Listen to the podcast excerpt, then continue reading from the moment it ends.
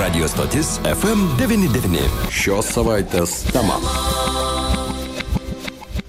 Sveiki, bičiuliai, studijoje prie mikrofono Liudas Armanauskas. Kągi metai baigėsi, jie buvo išties neįliniai, ko gero daugelis politologų juos įvardina kiekvienas savai, bet šiandien pabandykime juos apžvelgti kartu su Matu Baltrukevičiumi, politologu Vilnius politikos analizės instituto asocijuotų analitikų. Matai, laba diena. Labą dieną. Išties, metai baigėsi, beliko labai nedaug laiko ir tie metai, na, kai kas yra sakęs, kad nenorėčiau sugrįžti niekada į tokius metus. Ko gero, pradėjome mes jai juos kaip kaip įprasta visus metus su optimizmu, bet mano nuomonė pasaulyje ir Lietuvoje daug kas pasikeitė po vasario 24 dienos, bet kaip jūs apibūdintumėt šios besibaigiančius 2022 metus? Aš manau, kad visgi tai yra sunkiausi metai Lietuvai 21 amžiuje. Aišku, mes negalime lyginti to, kas vyko su sausio 13-ąją, rūpjūčio pučuna, nes tos situacijos egzistencinė prasme, aišku, kad Lietuvai dar sudėtingesnės buvo, bet 21 amžius vis tiek jau toks tarsi palyginus mums ramus, o dabar karas kaiminystėje.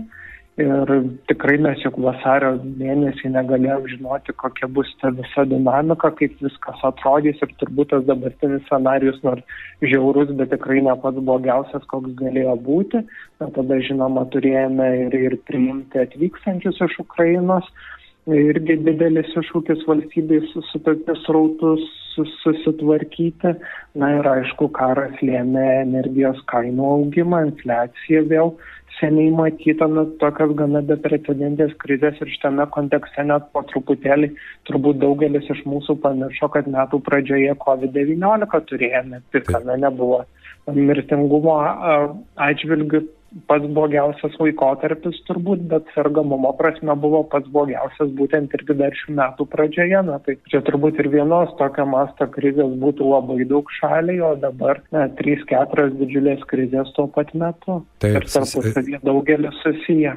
Be jokios abejonės, ar visą tai kaip daugias sluoksnis piragas, kurio negali atskirti vieno sluoksnio nuo kito, nes kiekvienas tas įvykis jie be jokios abejonės tam tikrą koreliaciją turi ir, žinoma, pandemijos porą metų, kurie perėjo po to į pabėgėlių krizę, migrantai, e, Ukraina ir taip toliau, ekonomika, kainos, na ir, žinoma, infliacija, kuri tuština kišenės iki šiol. Bet vis dėlto, kalbant apie besibaigiančius metus, matai, kaip jūs galėtumėte įvertinti, kaip vis dėlto ir žmonės, ir visuomenė, ir valdžia sugebėjo tame katile, na, galbūt surasti racionalių sprendimų ir vis dėlto kažkaip išlaviruoti?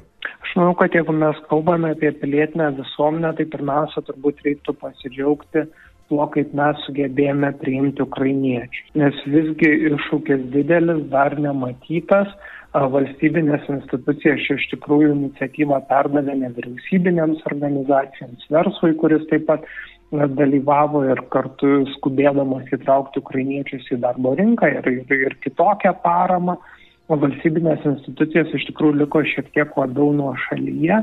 Na ir netgi buvo juk ne viena plačiai nuskambėjusi istorija, kai geranoriškas ir norintis pagelbėti verslas susidurdavo su biurokratinėmis kliūtimis. Tai iš tikrųjų manau, kad žvelgiant iš pilietinės visuomenės pozicijų, tai čia turbūt yra didžiausias Lietuvos žmonių, Lietuvos visuomenės laimėjimas.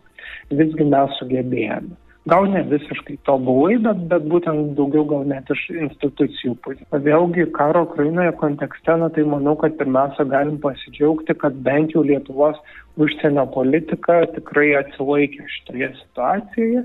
Mes kurį laiką net ir vidaus politikoje matėme daugiau ramybės, daugiau susitelkimo dėl to bendro tikslo tiek pagalbos Ukrainai, tiek mūsų pačių saugumo didinimo. Aišku, praėjo keli mėnesiai jau vidaus politikoje grįžome prie tos įprastinės politikos ir čia gal net užio taškas ir galėtų būti birželio įvykiai, kai opozicija atskirai pradėjo posėdžiauti kuriam laikui.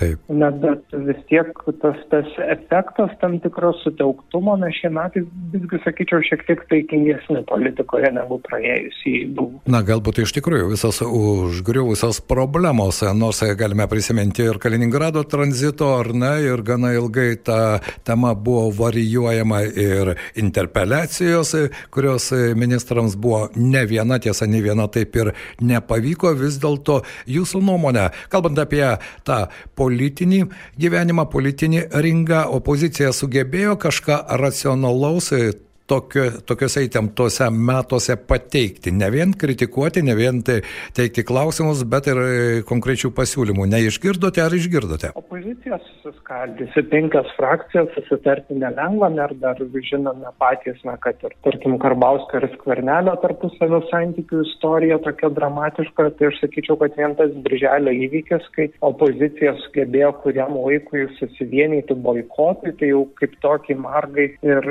opozicijai čia jau yra visai didelis įvykis, kad jie sugebėjo bent dėl to susitarti ir susiorganizuoti, nors Karbauskis iš karto sakė, kad tai ilgai netruks ir kad demokratai su socialdemokratais bus tas silpnasios grandys, kurie ilgai taip neištvers, na tai ta pranašystė ir išsipildė.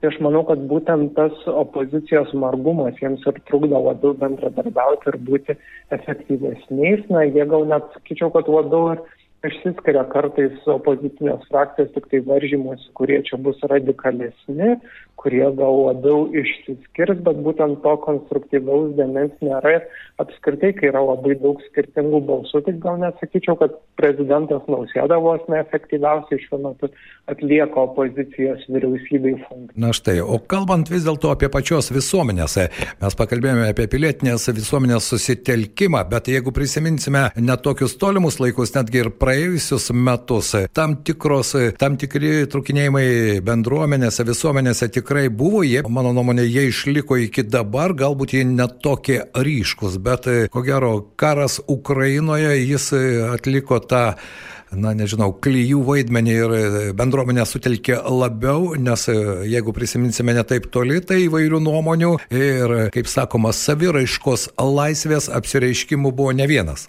Aš sutikčiau su tuo, kad visuomenė tiesiog susitelkė, problematika pasikeitė, nes Viena tai yra tokie klausimai kaip pandemija, na, kur vėl daug kas turėjo skirtingą nuomonę, buvo didelis susipriešinimas. Na, nes mes net ir politikoje matėm, lygiai taip pat prezidentui buvo naudinga, kad pandemijos klausimai pasislinko į antrą planą, nes jis tam taip ir netrado savo vaidmens, jo paties pasisakymai prieštaringi, norėjo būti visiems geras, nelabai išėjai. Nuo karo kontekstas tapo dviem tuo paprastesnis, kad buvo aišku, kas yra juoda, kas yra balta ir, ir, ir jam tas kontekstas buvo patogus, taip ir visuomenė natūraliai pasimiršo kai kurie tie klausimai, kurie buvo ankstesniais metais labai ant bangos ir visuomenė, taip aš sakyčiau, kad ji šiuo metu yra labiau susitelkusi. Na, ir vėl Dar be, be to, kad mes sugebėjome gerai, gana gerai integruoti ukrainiečius, tai reiktų turbūt paminėti ir tai visgi, kad mes ir Ukrainą ir apginklavome, drono ta akcija buvo labai graži, bet čia dar ne viskas, jin buvo jau organizacijai, netoli 40 milijonų eurų saukotame, tai tikrai parodo, kad žmonės yra dosnus ir, ir iš tikrųjų tie Ukrainos įvykiai tam tikrą vienijantį efektą turėjo. Mhm. Bet ko gero, kitą nuomonę turinti žmonės niekur nedingo, ar ne? Ir e, tam tikra dalis visuomenės sako, na, tie, kurie galbūt e, bando e, prisidengti demokratinių skydų, iš tikrųjų greuna valstybė iš vidaus ir kur saugumo tarnybos, kur visi tie tos institucijos, kurios turėtų tam kelią užkirsti, tai buvo dar iki karo pradžios Ukrainoje. Jūsų nuomonė, ar iš ties dabartinė situacija ir šie metai ir ta sutelkta sutelkta pilietinė visuomenė jiems neleidžia šiek tiek ryškiau būti matomiems. Na, kai kuriems baudžiamosios bylos, kai kuriems teks nemažai pasėdėti kalėjimuose. Aš manau, kad na, apskritai aišku, kad mes per šituos metus kažkiek pripratom prie to, kad karas vyksta netoli mūsų, pripratome prie tų blogų naujienų ir vis tiek tas gyvenimas po truputėlį uh, normalizuojasi, na jau mažiau girdime, gerokai mažiau pasvarstymų, ar čia gal iš Lietuvos reikia bėgti kažkur, kur geriau, ko, ko pasitaikydavo socialiniuose tinkluose pirmas karo savaitės. Ir manau, kad na, vis tiek tam, tam tikros visuomenėje egzistavusios įtampos dėl tų pačių vertybinių klausimų, na, jos dabar kažkiek pasislinko į antrą planą, bet ateis laikas jas vėl grįžti, nes na, natūralu, kad, kad na, tie klausimai, daug, daug kurių visuomenė labiausiai susipriešinus, ar tai narkotikų dekriminalizavimas ar tos pačios lyties asmenų partnerystė. Na tai nėra taip, kad jie čia dabar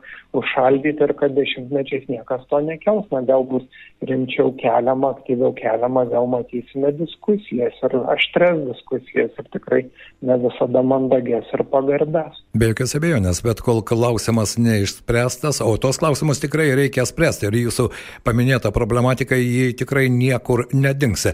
Bet vis dėlto matai, jeigu reikėtų įvardinti galbūt taip e, banaliai, aš pasakysiu, bet tris pagrindinius triggerius, kurie ir lėmė, kad šie 2022 metai buvo būtent tokie, kaip jūs sakote, sunkiausi metai jau 21-ame amžiuje mūsų šaliai, mūsų visuomeniai. Na tai aišku, pirmas dalykas tai yra karas, antras dalykas tai yra infliacija, nes visgi žmonės visada labai jautriai reaguoja į savo finansinės padėties pasikeitimus, na ir natūralu, kad vyriausybė irgi na, užtrunka kažkiek laiko reaguoti, na dabar aišku yra kompensacijos priimtos, bet dalis priemonių tik po naujų metų pradės veikti, kurios daugiau yra jau nukreiptos į gyventojų pajamų didinimą. Na ir aš vis tiek gal trečių faktoriumi tai išskirčiau COVID-19, bet labiau ne tiek tą dabartinę situaciją, kiek tą bendrą visuomenės nuovargį. Nes visgi buvo tie keliari labai sunkus metai suspaudimo metai, karantinų metai, na, dalis visuomenės palankiau reagavo į tuos ribojimus, na, bet aišku, kad niekam nebuvo lengva. Na ir būtent karas šiaip ir atėjo tuo metu, kada mes šiaip jau gyvename tokiamis gana optimistinėmis nuotaikomis, kad tu džiaugsimės ramiu, saugiu gyvenimu, na ir karas tapo dar viena krize ir sakyčiau, kad būtent dėl to e, tos visos COVID patirties neišeina iš šių metų likties taip lengvai išbraukti, nes tiesiog toks psichologinis testinumas. Beje, kalbant jau apie kitus metus, štai šiandien premjerė Ingrida Šimonytė teigia, kad kiti metai bus nelengvi Lietuvai, bet ekonominės problemas valstybė bent iš dalies amortizuos, šalies ekonomika nežymiai augs, žmonių perkamoji galia nemažės, jie turės darbo, atlyginimai didės, o kainos auks lėčiau. Na, apie kainų kritimą premjerė beje e, nieko nesakė. Kaip jums atrodo, e, tai yra objektivus ateinančių metų toksai matymas ir prognozes? Na, aš nesu ekonomistas, bet infliacijos tie laikotarpiai paprastai jau nebūna tokie labai ilgi ir, ir lygiai taip pat ir vakar buvo kelios ekonominės prognozės taip. pateiktos, na, kur jau žadama, kad po naujų metų galima tikėtis netgi kai kurių prekių grupių ir, ir pigimo. Na, tai natūralu, kad po truputėlį ta situacija, bendras infliacija turėtų gerėti, tik tai žinoma, ekspertai atkreipia dėmesį tai, kad kitas šildymo sezonas vargu ar bus labai lengvesnis už šitai. Tai aš manau, kad atsargus premjerės optimizmas gal ir yra tinkama strategija, na vargu ar kiti metai jau bus tokie ženkliai lengvesni, bet veikiausiai nebus ir tokie blogi kaip šie. Radio stotis FM99. FM99. Be jokios abejonės, matai, bet kalbant, tai e, suprantu, kad jūs ne ekonomistas, politologas, bet vis tiek gyvenate tame realiame gyvenime, kalbant apie Vilnių ir likusią Lietuvą, nors niekas nenori dalinti to ir žmonės gyvenantis regionuose taip pat nori gyventi gerai ir su tam tikra optimizmo dozė ir perspektyva, vis dėlto ta takoskira dėja nemažėja taip, kaip norėtųsi. Kaip jums atrodo? Aš sakyčiau, kad apskritai um, Lietuvoje trūksta regioninės politikos, trūksta aiškios vizijos, kaip mes įsivaizduojame regionų vystimąsi, kaip viskas turėtų atrodyti, kaip mes kovojame su tuo, kad mažesni miestai praranda jaunus žmonės, kurie išvyksta į didžiuosius miestus ir ten gyvena. Ir kol nėra to tokio sisteminio požiūrio, kaip mes įsivaizduojame, kokia galėtų būti regionų stiprybė, kuo kiekvienas iš jų galėtų būti išskirtinis, kaip jie galbūt galėtų, na bent jau sumažinti galbūt pradžioje ten protų nutekėjimą, jeigu ne patys taptų bent kažkiek trauko šaltiniais, o kažkas per daug ir nepasikeis. Ir, ir aišku, kad tam tikrų priemonių įmamas, vienas gal iš, iš tokių pavyzdžių tai a, būtų ta programa, kuria skatinama įsigyti būstą regionuose su valstybės pagalba, na tai visgi tai yra labiau ne būsto politikos klausimas, o būtent regioninės politikos ir dalis žmonių sėkmingai tuo naudojasi, na, bet reikia sistemingesnio požiūrio, ne tik tai atskirų priemonių. Be jokios abejonės, čia sutinku ir valstybės sistemingesnio požiūrio, na ir e, mes priartėjome prie kitų metų pradžios batalijų, tai yra savivaldybių rinkimai, na ir savivaldybės, jos, jeigu pažvelgti į tas 60 savivaldybių, kurios yra Lietuvoje, vis dėlto matyt daug kas priklauso ir nuo e, galvos, ir nuo merų, ir nuo tarybų, ir jų vystimasis, ir jų, ko gero, situacijos matymas irgi labai skirtingas yra. Aš manau, kad e, savivaldos rinkimuose bendras vardiklis šį kartą bus šildymo kainos. Nes visgi labai mažai merų visoje Lietuvoje yra tokių, kurie nesiekia perrinkimo. Savivaldybės vėl gana skirtingais būdais šildosi. Ir, ir čia savivalda visgi turi visai nemažų svertų, jeigu protingai tvarkosi savo ūkiją, pasiekti ir kažkokių rezultatų ir tuos rezultatus pasiekti gyventojams. Tai manau, kad būtent šiuose savivaldos rinkimuose čia gali būti vienas iš kertinių faktorių tiems merams, kurie siekia perrinkimų. Na štai, Alitus čia turi tą pliusą, štai ne per seniausiai kalbėjome ir su šilumos tinklų direktoriumi. Žinoma, buvo investicijos, buvo tas perėjimas į savivaldybės žinę prieš trejus metus, bet bent jau šį rudenį buvome ketvirtoje vietoje pagal kainos mažumą. Tai tuo alitiškiai galėtų džiaugtis, bet jūsų nuomonė, štai šildymo kainos vienas iš tų trigerių ir batalinių klausimų bus savivaldos rinkimuose. Kas gali būti dar aktualu tiem patiems mūsų klausytojams, kokius klausimus klausimus jie turėtų kelti būsimai savo miesto rajono valdžiai? Na, iš esmės aš manau, kad visgi čia yra kiekvieno žmogaus prioritetų klausimas. Aišku, kad visi norime gyventi tvarkinguose, gerai prižiūrimuose, saugiuose miestuose ir būtent turėti valdžioje tokius savivaldos lyderius, kurie būtų vizionieriai, bet kurie būtų ne tik svajotojai, bet ir sugebėtų tas vizijas įgyvendinti. Tai čia vėlgi skonio reikalas iš tikrųjų turbūt dažnai tie pasirinkimai tik tai būtent ir norėtųsi visada, kad būtų gana aiškios žinutės, aiškus planai, aiškus projektai, aiškios vizijos ir nebūtų bijoma debatuoti, daug diskutuoti ir, ir tose diskusijose bandyti įrodyti ir patraukti žmonės savo, būtent savo idėjomis. Ir aišku, jeigu kalbame apie tos, kurie siekia perrinkimo, na tai žinoma, mums tai yra puikiai proga visuomeniai atsiskaityti už tai, ką padarė per šitą laiką. Jūsų nuomonė pasikeitusi ir merų situacija, pakeitus įstatyminę bazę, e, kai kas iš merų sako, kad darbo bus daugiau, beje, mano nuomonė ir tiesioginės atsakomybės bus daugiau, bet tai ar štai e, ta mero pozicija dabar jūsų nuomonė vis dėlto visuomenės akise, e, merai taps turintis didesnį svorį, ne vien tik tai juostelių karpytojai ir nuotraukų herojai? Aš manyčiau, kad tas dabar priimtas naujas reguliavimas jis yra geras tuo, kad iš esmės dabartinės merų funkcijos daug maž atitinka tai, kaip žmonės įsivaizduodavo realias merų galės. Nes visgi, kai atsirado tiesioginiai merų rinkimai, a, tai mes visada į tiesiogiai renkamus pareigūnus dedame didesnius lūkesčius, Ir jeigu mes gatvėse paklausinėtume žmonių apie administracijos direktorių, tarkime, funkciją, e, tai turbūt daugelis apskritai nebūtinai žinotų, kad toks žmogus valdybėje yra, Taip. nors jis būtent tų funkcijų labai nemažai turėtų, kur dabar jau merų pereina. Tai iš esmės tas merų sustiprinimas, jis, man atrodo, sukuria tokią aiškesnę sistemą, kuri labiau ir atitinka visuomenės supratimą apie tai, kokios ir turėtų būti mero galios, nes jeigu mes renkame tiesioginį vadovą, mes tada iš jo ir daug tikimės ir tikimės, kad jis turės tinkamus svertus tą įgyvenimą. Taip, sutinku su jumis, be jokios abejonės, e, pagyvensime, pamatysime, kovo penktą dieną savivaldos rinkimai, po naujų metų ko gero prasidės jau rinkiminės batalijos, kaip yra įprasta. Na, o visuomenė visada vertina bent jau kol kas tam tikrą dalis gėlės žydį, auga, gatvė švarios, vadinasi viskas tvarkoje. Merai tvarkosi gerai. Bet, matai, kalbant vis dėlto apie kitus metus, 2023, štai jūs įvardinote šių metų trijų trijulę didžiausių problemų. Jūsų nuomonė, kokios problemos gali būti aktualiausios jau netrukus prasidėdančiais 2023 metais? Kas gali būti nemaloniausia, netikėčiausia ir kas gali keisti ir įtakoti mūsų gyvenimą? A, tai aš manau, aišku, kad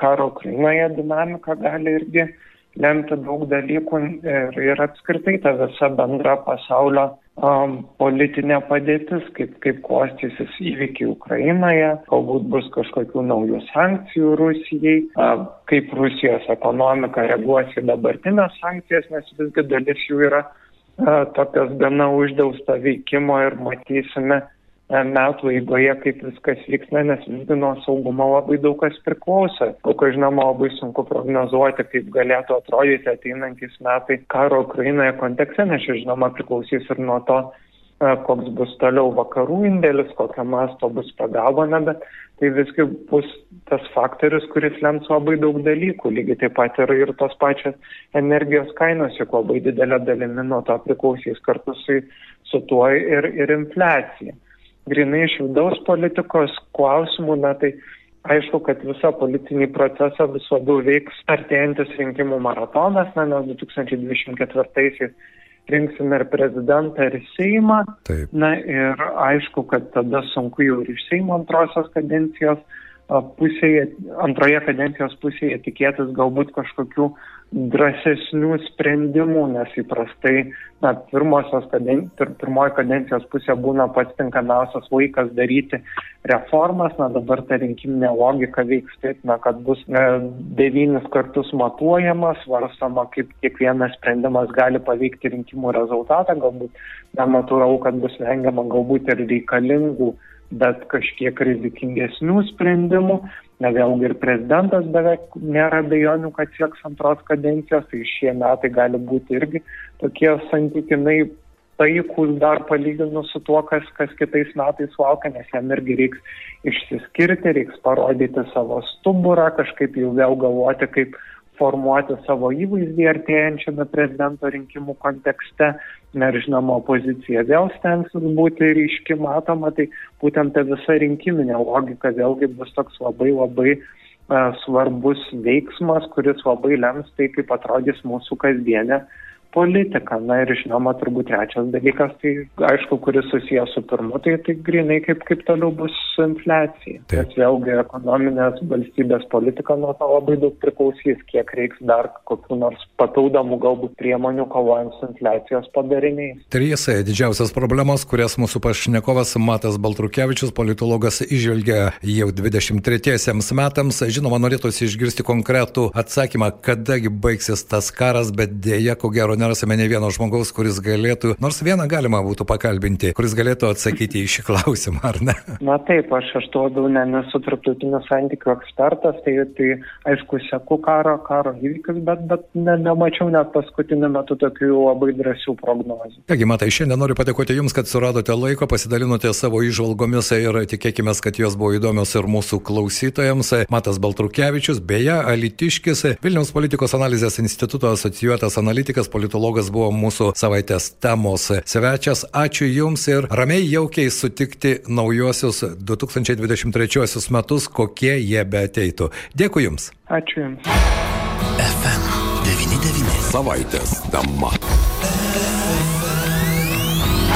FM99.